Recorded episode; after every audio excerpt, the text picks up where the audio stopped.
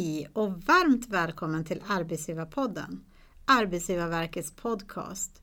Vi vill inspirera och sprida kunskap om arbetsgivarfrågor. Arbetsgivarverket är arbetsgivarorganisationen för de statliga arbetsgivarna. Mitt namn är Charlotte Jonsson. Med mig idag har jag som vanligt två gäster. Darja Isaksson, rykande färsk generaldirektör på Vinnova sedan i augusti.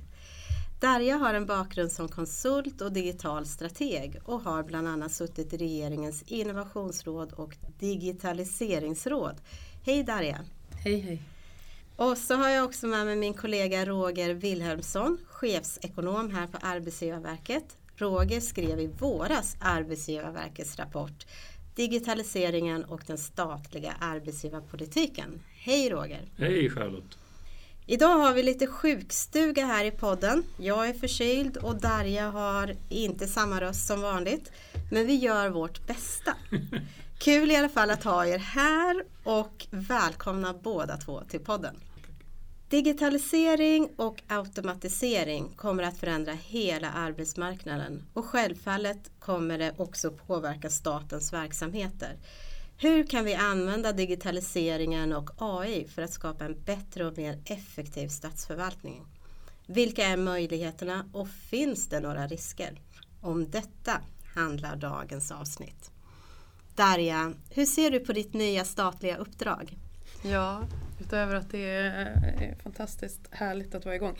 Nej men jag tänker väl väldigt ungefär så här. Jag, en människa är ganska oviktig. Jag tror på riktigt att om jag dog imorgon så skulle världen fortsätta väldigt mycket. Som är skulle säker på det? Ja.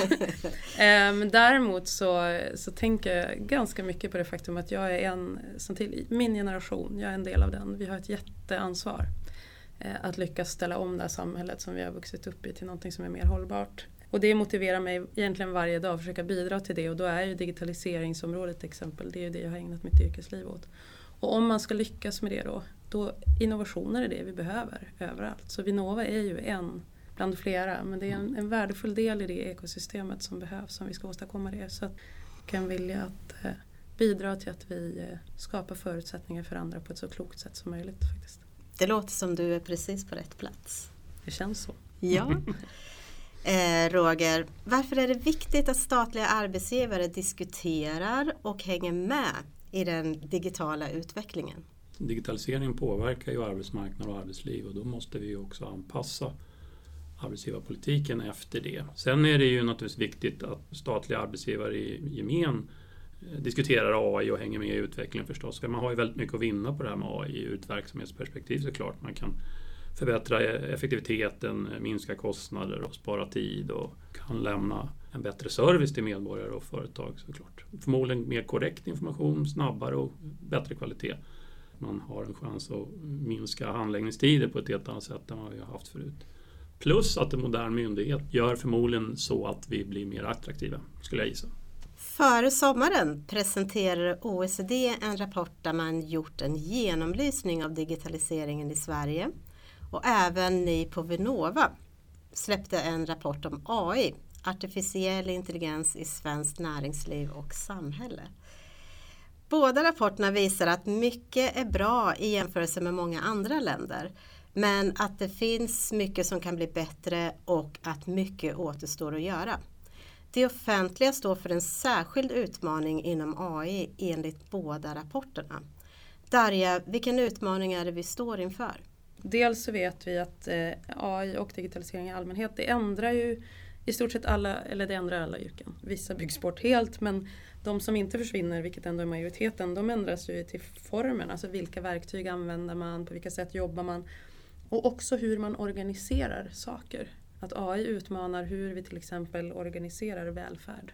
Men det gör också att om vi tittar på myndighet till exempel så blir frågan inte längre bara hur utövar vi vår myndighetsutövning så som den har varit effektivare för att kunna ta vara på AIs möjligheter. Då måste man också ställa sig frågan vad innebär det för oss att vara möjliggörare, fungera som plattform för att andra ska kunna skapa de här nyttigheterna. Skatteverket är ett bra exempel på det. Vi har samverkan nu mellan Skatteverket, alltså de myndigheterna i nordiska länder mm. och Bolagsverken för att se till att de vill ta ett gemensamt ansvar för att ekonomiska data ska kunna röra sig mellan system på ett säkert sätt. Så att de där ute i näringslivet som utvecklar redovisningstjänster och andra faktiskt ska kunna samspela med myndigheterna på en nordisk marknad. Då tar man ju ett helt annat ansvar. Det är inte längre bara den, den tidigare myndighetsutövningen och liksom funktionen utan man blir faktiskt också en möjliggörare för eh, innovationer som drar nytta av de här Ringar på möjligheterna. vattnet. Ja, och eh, Mm. det finns ett begrepp som kallas för government as a platform inom sånt. Så att det finns många olika saker. Då. Det ena är det interna, så här, hur drar vi nytta av det här, effektiviserar vi? Mm. Och sen hur skapar vi möjligheter för andra? Och sen att det också skapas nya sårbarheter och nya utmaningar i och med det här som särskilt myndigheter till exempel ofta har ett ansvar för. Vad skulle du säga om nuläget kring digitaliseringen i Sverige? Vart befinner vi oss nu eller vart befinner sig staten? De myndigheter som jag till exempel nämnde nyss, Skatteverket eller vi kan ta Arbetsförmedlingen eller Försäkringskassan. De har ju jobbat med sådana här frågor länge och har, har Mm. mycket egen kompetens och har ofta gjort, en del har gjort ganska stora resor i att ta vara på digitaliseringens möjligheter. Så. Ändå ser de ju att det finns stora nya kliv att ta. Ändå även de utmanare. Så. Samtidigt om man tittar offentlig sektor i stort så har vi också exempel på precis motsatsen. Så tittar vi i kommunal verksamhet så är det ju enorma skillnader mellan erfarenhet och hur, hur, hur, hur bra man har varit på att ta vara på de möjligheterna. Skulle du säga att det är stora skillnader mellan myndigheter? Det som kännetecknar läget i Sverige är ett, stora skillnader. Mm.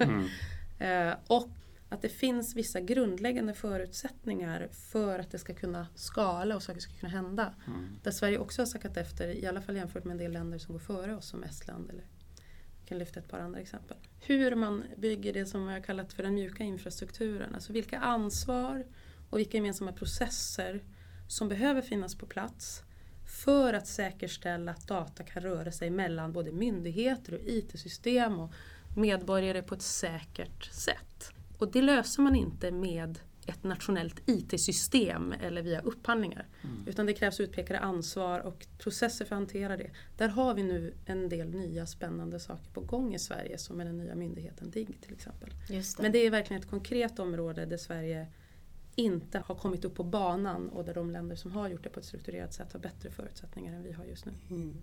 Varför händer det så mycket kring AI just nu? Varför pratar vi så mycket om AI just nu? Vi har ju några samverkande faktorer som gör Mm. att det har tagits ganska stora kliv de sista åren i eh, kostnadseffektivitet och förmåga om vi ska prata om machine learning till exempel. Vad, Mm. vad vi faktiskt kan, kan eh, eh, hur vi kan bearbeta data, se mönster, vad vi kan automatisera. Det har rört på så mycket de sista åren. Och att vi har ett antal globala jättar som Mm. har lagt ner gigantiska belopp Och vad är det eh, här på för att utveckla jättar? de då? här möjligheterna. Vilka är de? Vilka leder? Eh, ja, Google, Amazon, Mm. Facebook eh, Mm. men också kinesiska aktörer. Den andra delen är att på grund av de sakerna som har hänt så har vi också, alltså fler och fler aktörer realiserar ju verkliga nyttor med hjälp av AI och vi ser det hända. Mm. Och det väcker ju också förväntningar på mer. Mm. Om vi tar ett exempel så En, flesta, ja, precis, en verklig nytta, vad är ja, det? de flesta som eh, hör den här podden har antagligen använt, har googlat Mm. idag. Mm. Det är AI.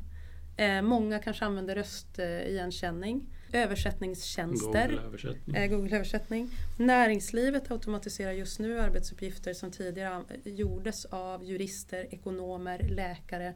Automatiserad och bättre bedömning av röntgenplåtar på hjärntumörer och så vidare. Och så vidare. Så att jag skulle säga att den främsta anledningen, och bakomliggande anledningen var de vi nämnde, men den främsta anledningen till att vi pratar om det så mycket nu är att det händer nu. I eh, rapporten Digitaliseringen och den statliga arbetsgivarpolitiken har Arbetsgivarverket identifierat några områden där den nya tekniken och digitaliseringen gör att de statliga arbetsgivarna bör anpassa arbetsgivarpolitiken för att möta utvecklingen.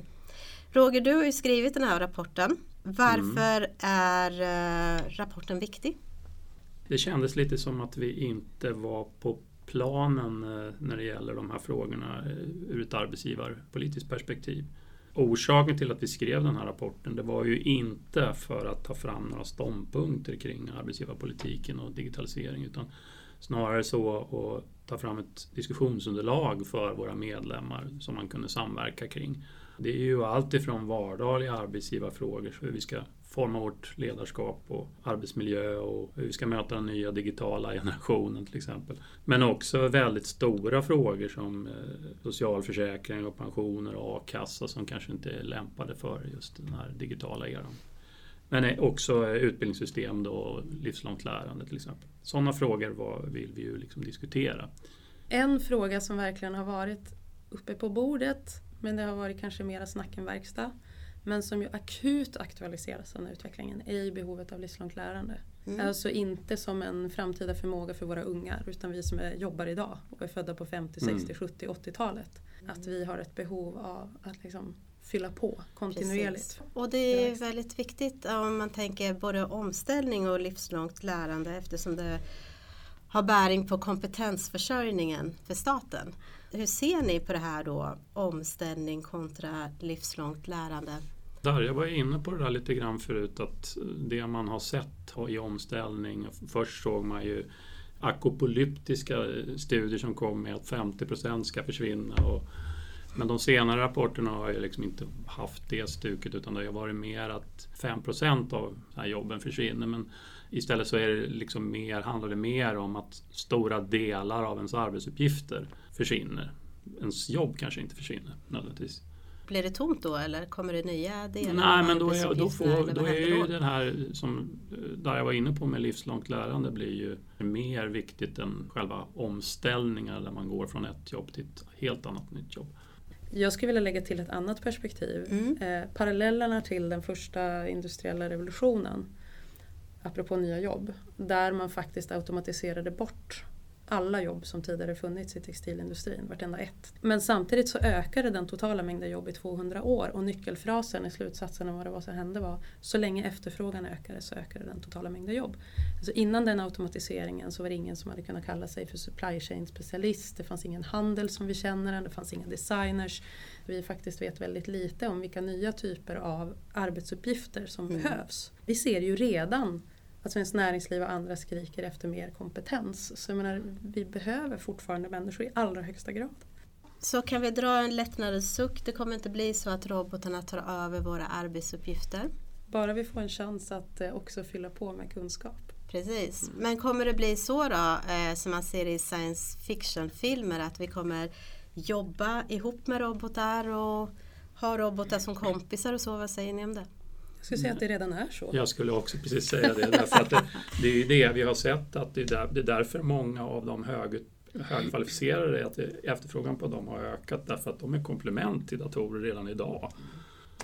Och det har också stärkt den här polariseringen vi ser på arbetsmarknaden också. Ni var båda lite inne på i början här att AI kan hjälpa till att frigöra tid eller vad man ska säga. Skulle man kunna säga så att vi kan använda AI egentligen för att skapa roligare, mer stimulerande arbetsuppgifter där vi kan eh, närma oss kärnan kanske.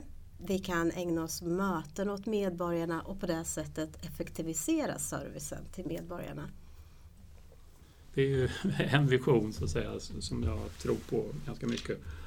Det ligger ju lite arbetsgivarpolitik i det här också för att om det är så, det, alltså det beror ju egentligen på vad man gör som ledare. Ska man, när man använder sig av AI så är det ju möjligt att rationalisera bort jobb men det är också möjligt att, att arbetsuppgifter försvinner som man inte vill ha och, och att man liksom ser AI mer som en, nästan en partner liksom där, där man liksom kan slippa det som man inte vill ha. Då. Men, men, men om det skulle vara så att man istället då ser mer av att man rationaliserar bort jobb då kan det ju uppstå en oro som gör att man faktiskt arbetsmoralen sjunker och motivationen sjunker, produktiviteten sjunker.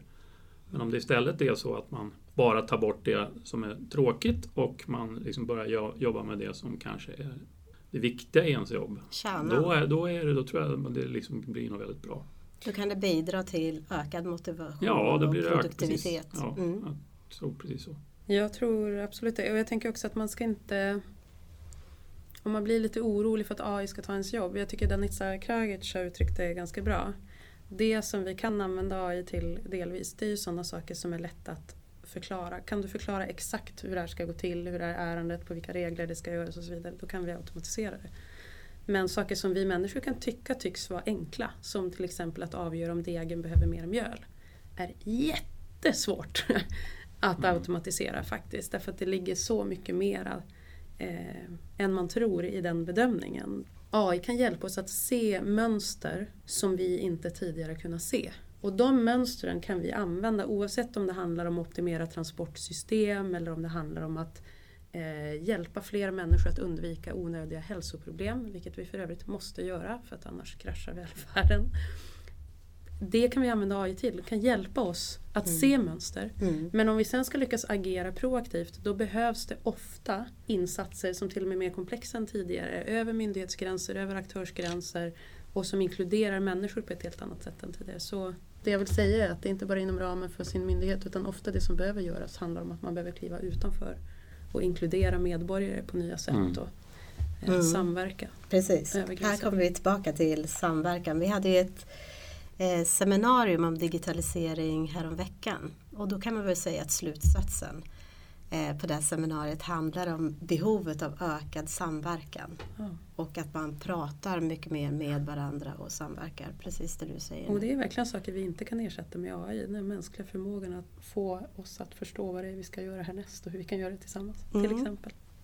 Roger, vad skulle du säga, vilka är de tre viktigaste utmaningarna som staten som arbetsgivare står inför? Många av de här studierna, nu ska jag inte bli långrandig, men många av de här studierna som jag har sett, det de har gemensamt faktiskt, det är ju att det fortfarande är en större automatiseringsrisk för lågutbildade. Så jag tror ju det här med utbildningsfrågorna är väldigt viktiga och då finns det ju väldigt många utmaningar kring det. Alltså dels det här med hur vi måste fundera över hur, vilket utbud av kurser vi ska ha på, på högre utbildning. Alltså, ska vi ha mer av IT, eh, digital teknik, då, förståelse för AI till exempel. Kanske många som behöver lära sig tror jag.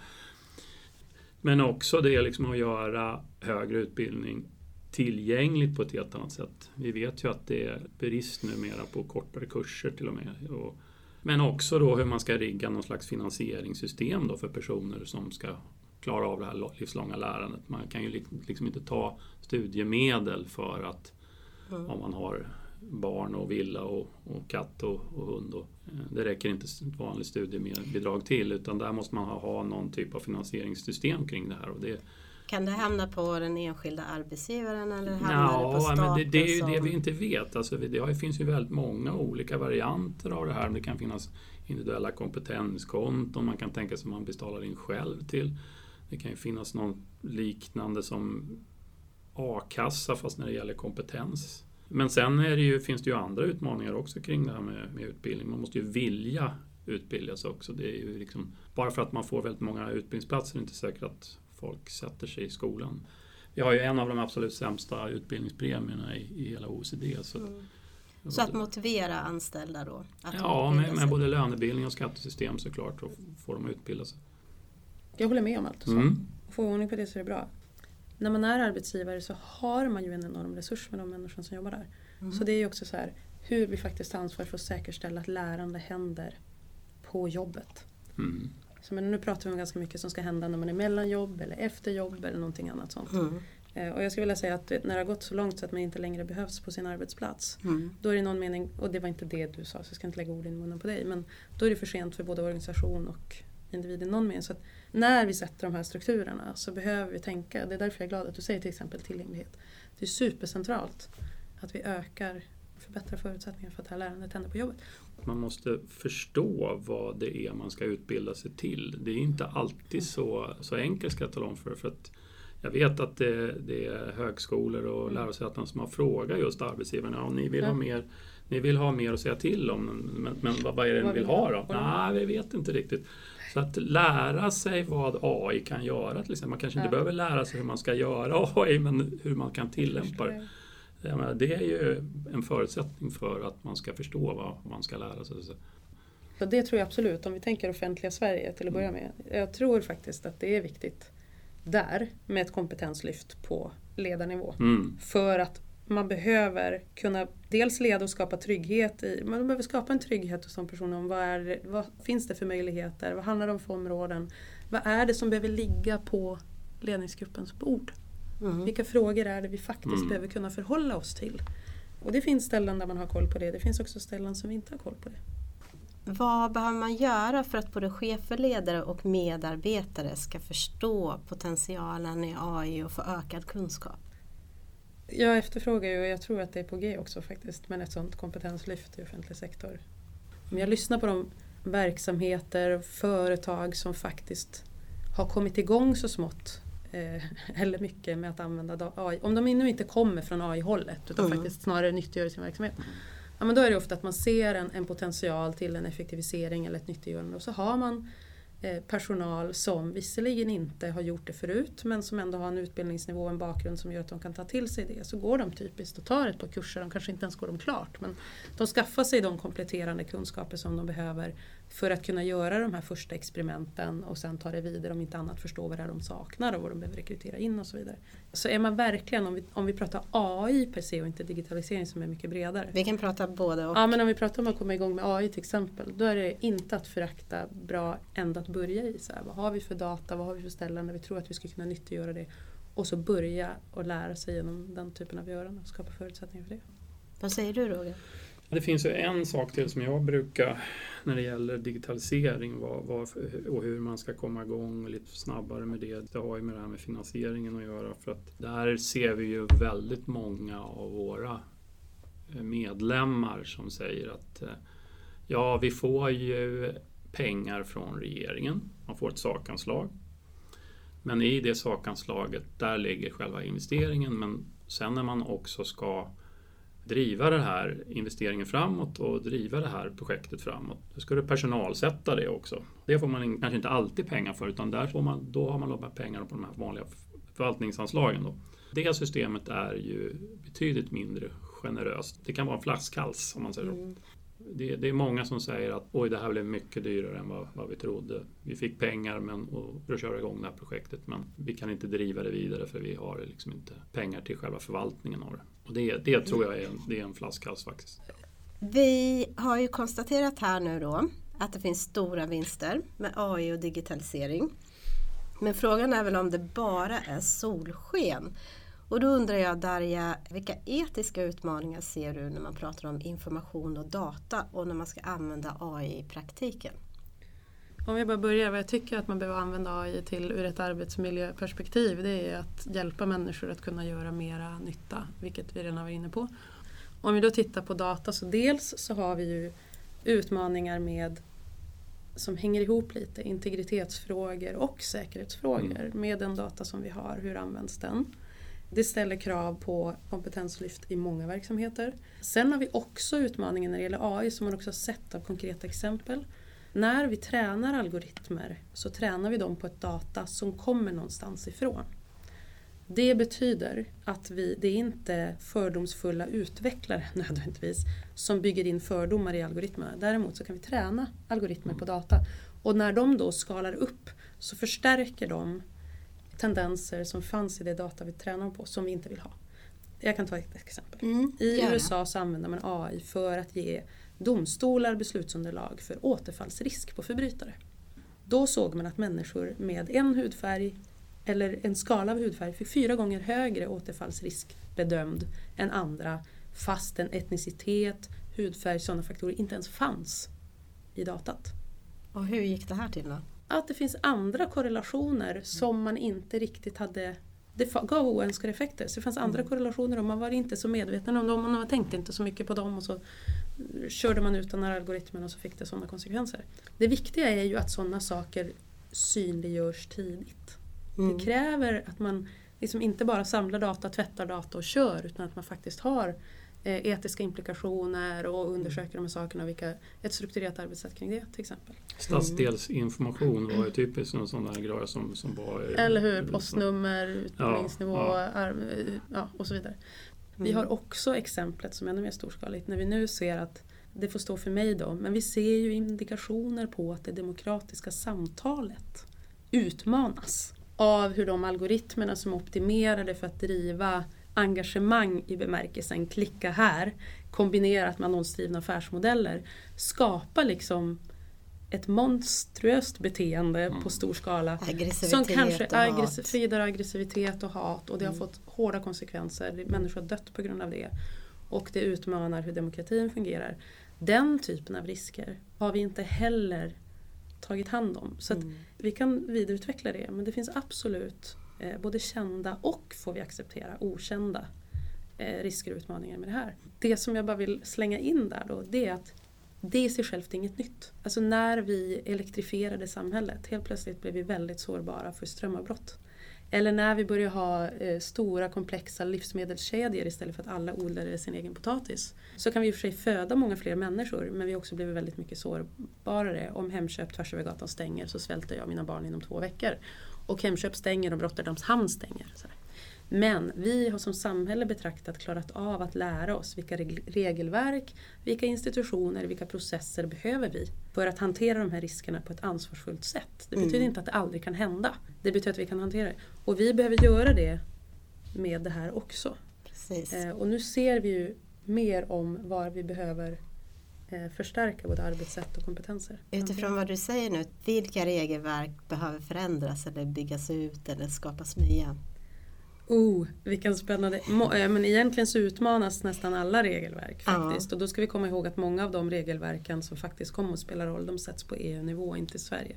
Eh, så om jag bara ska ha något svepande svar på den frågan så tror jag att det är väldigt viktigt att när vi jobbar med att utforska de här möjligheterna så behöver vi tänka till lite. Vilka vi samarbetar med, vad vi försöker ta reda på för att vi ska kunna påverka där det verkligen händer. Sen har ju vi vår egen, ofta nationella manöverutrymme också då.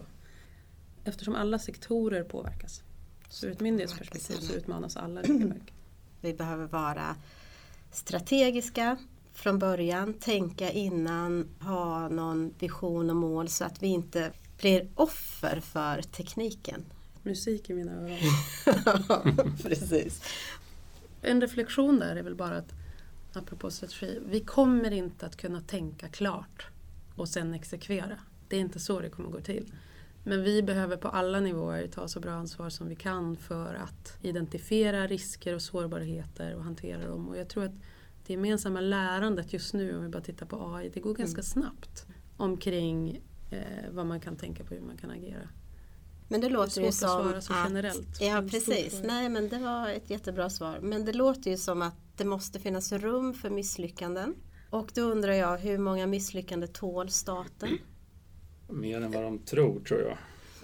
Vårt sätt, arbetsprocesser och klimat är ju inte Eh, ett klimat som normalt sett man tänker på att man ska få misslyckas. Så att säga. Det handlar ju väldigt mycket om säkerhet, eh, regler, juridik. Det är såklart att vi måste få försöka eh, liksom, hitta en, ett annat klimat där man får misslyckas såklart. Mm. Det är så spännande när du säger rädslan att misslyckas, att då blir man ju nyfiken på så här, vad är det vi egentligen definierar som ett misslyckande? Men om jag utmanar lite så här, så kan vi ju påstå att just nu så står vår generation, det är inte vårt fel på ett sätt, men vi har ju ett misslyckande i det att vi har ett transportsystem som är inte hållbart överhuvudtaget, inte ens nu. Det är ett misslyckande och vi har myndigheter som är ansvariga för vårt transportsystem. Det behöver ställa om. Det är inte det vi tänker på när vi pratar om risken att misslyckas. Men det är betydligt, skulle jag vilja påstå, på liksom samhällsnivå det viktigaste misslyckandet att undvika för att vi vill inte leva i den där eh, tillvaron där vi inte löser de här sakerna. En annan reflektion som jag gör det är om vi utmanar hur vi tänker omkring vilket misslyckande som är det allvarliga misslyckandet och vilket som är det kanske inte så allvarliga misslyckandet. Så kanske vi, för att det görs ju misslyckanden idag. Vem av oss jobbar i en felfri verksamhet som aldrig någonsin Mm. begår några misstag? Men då är det, då är det ju Det- bra om man misslyckas tidigare så att Ja. det inte ger, ger så stora konsekvenser. Exakt, så när vi vill göra förändringar då behöver vi testa tidigt Ja. och misslyckas tidigt. Och då kommer det här nyckelordet som jag tror vi också eh, tycker om båda två. Och det är ju så här, lärandet blir det centrala. Mm. Så det häftiga är ju faktiskt om man klarar av att vara bra på att lära sig tidigt. Det är just det som jag tror har hämmat oss när det gäller det här med att våga misslyckas i staten. Att vi har så många regelverk, vi har så många liksom, det är inte säkert att vi behöver alla de här reglerna. Så det kanske kan bli en fråga om att ta bort helt enkelt för att Ja, skapa det- mer Jag flexibilitet. tycker man behöver överväga det i alla fall. Sen så måste man ju ur flera perspektiv faktiskt fundera, alltså tänka finns många regler som faktiskt är viktiga också. Verkligen. Som spelar en, en viktig roll. Mm. Och jag tänker apropå det här att testa och misslyckas tidigt då, att Tillitsdelegationen har ett väldigt intressant uppdrag och utvecklar rekommendationer, arbetssätt och erfarenheter av hur sätter man sig och bara det här att man inte sitter bara i sin egen silo utan man faktiskt tar medborgarens perspektiv eller det perspektiv som nu är relevant och då kanske man är flera myndigheter som tillsammans med aktörer Mm. i näringslivet och medborgare vad ska jag säga, i någon mening börjar med att torrsimma och att testa tidigt och att lära sig Mm. och på det sättet utforskar vad skulle justeringar i regelverk kunna få för eh, konsekvenser eller hur, hur skulle vi kunna tänka istället? Det Så här det är ju jätte- en jättespännande Det resa. är jätteintressant. Det är ett helt nytt sätt att jobba övergripande i samhället. Ju. Mm. Samarbete och lärande, det är det ni kommer tillbaka Mm. till hela tiden i den här frågan. Och det är ju absolut inte oansvarigt, tvärtom, utan det betyder också att man väldigt tidigt tänker över risker. Kanske Mm. innan man ens har implementerat och skalat upp så kan man testa och utvärdera. Om man nu sitter och lyssnar på den här spännande podden och man känner eh, som myndighetschef eller ledningsgrupp eller någonting att man behöver ta ett grepp om di- digitaliseringen hemma på sin egen myndighet eller i sin egen verksamhet. Vad skulle ni säga, vad är de tre viktigaste sakerna att börja med så att man kommer igång? Man behöver ju, om, vi, om man sitter som myndighetschef, fundera över vad det är man vill åstadkomma. Alltså så, AI, digitalisering och så vidare, det är ju ingenting i sig självt. Och det är ganska mycket skillnad på att ta vara på möjligheten att effektivisera, att kanske utmana sig själv i sin roll som möjliggörare för att andra ska kunna skapa en del av nyttigheten. Det finns, man behöver ju börja i någon slags utforskande av det. Den frågan behöver man inte klura på själv i sin ensamhet bakom sitt skrivbord eller ens bara med sin ledning eller sin egen organisation. Därför att svaret på det är ganska spännande att faktiskt samskapa tillsammans med sina medarbetare i första hand men också med de som faktiskt möter myndigheten. Det är ju de vi finns till för. Vad är det de här aktörerna behöver? Om man ska börja någonstans kan man ju börja i en, en samskapande process omkring vad är det vi skulle kunna åstadkomma? Om man ska säga någonting om vad en ledningsgrupp ska göra så, och hur de ska tänka så är det väl någonting som är nytt. Det är ju det här med också att som vi faktiskt började i, inom de här företagen som liksom håller på med digital teknik. Det vill säga att allt händer ju så snabbt. Det tycker jag är en faktor också som vi kanske inte har pratat så mycket om. Att det går så fort. Och då kan man ju liksom inte som en ledare, man kan inte lägga sig i allt. Så därför måste ju, du var inne på det här med samverka med sina med, medarbetare. Mm. Det blir ju ännu mer viktigt i framtiden eftersom ja, en ledare kan inte ha full information som man hade förr i tiden. Mm. Medarbetarskapet måste vara, liksom, utvidga sitt ansvar för, för verksamheten helt enkelt.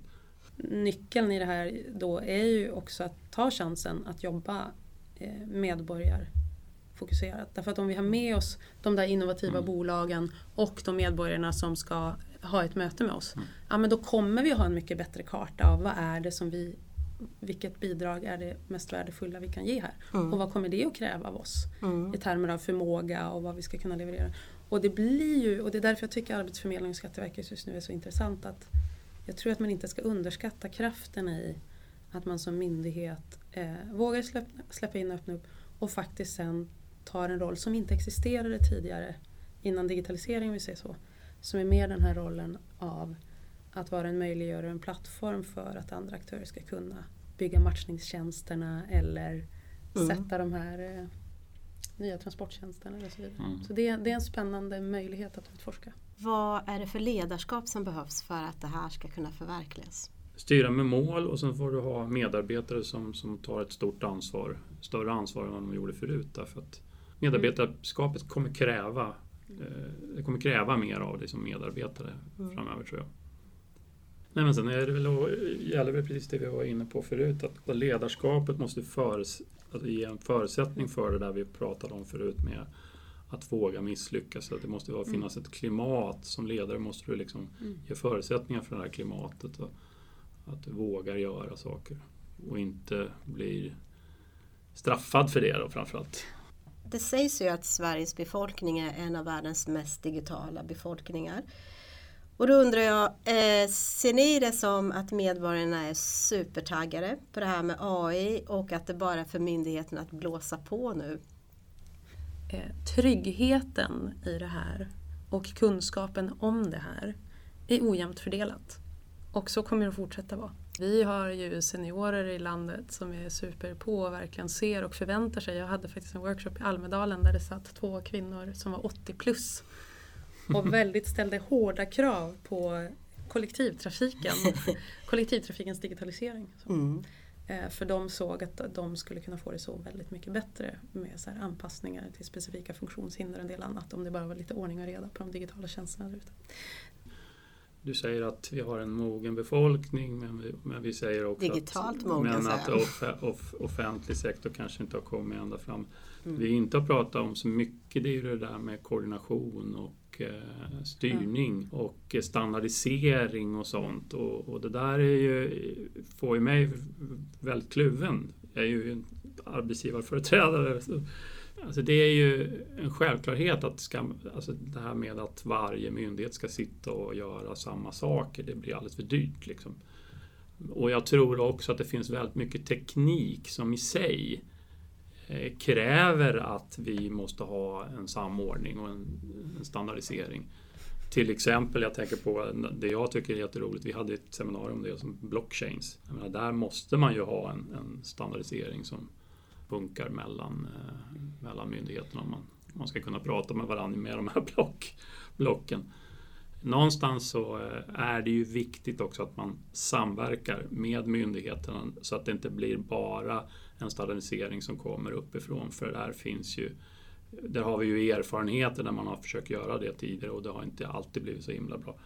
Jag tror att man måste samverka med myndigheterna när man gör de här standardiseringarna ganska ordentligt för att närmast användarna är ju myndigheterna själva.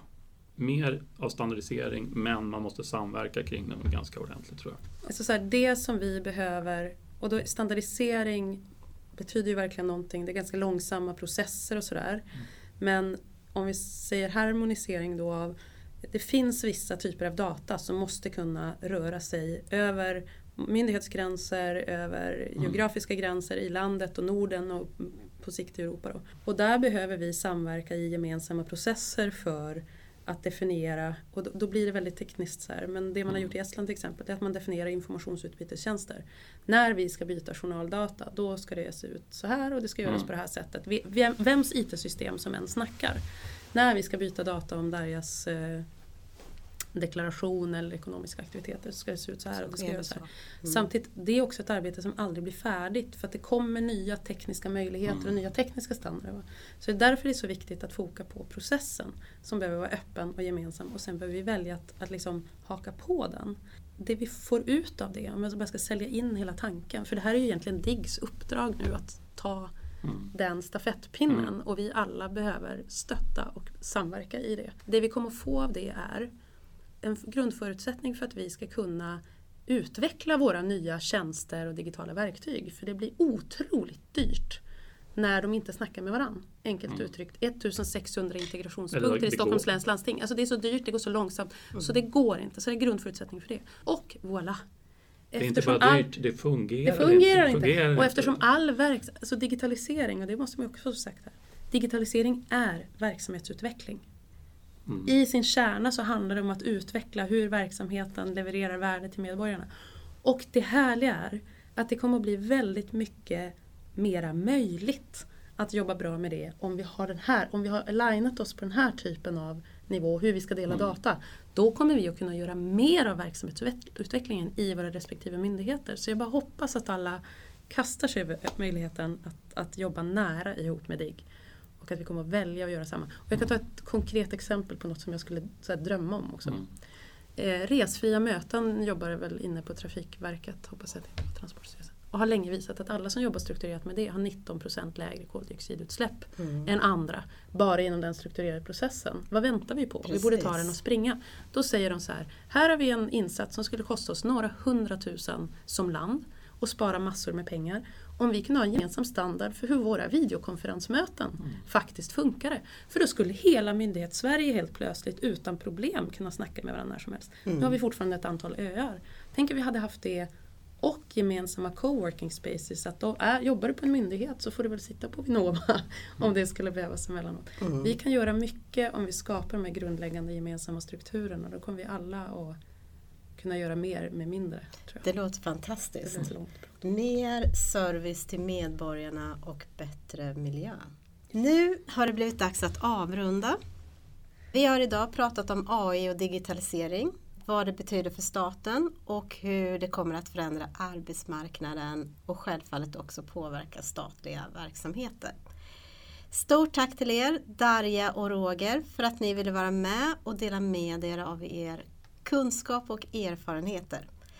Innan jag släpper iväg er så vill jag bara ställa en sista fråga som jag alltid gör till gästerna i podden. Och det är då Darja, en sak som du vill att vi ska ta med oss.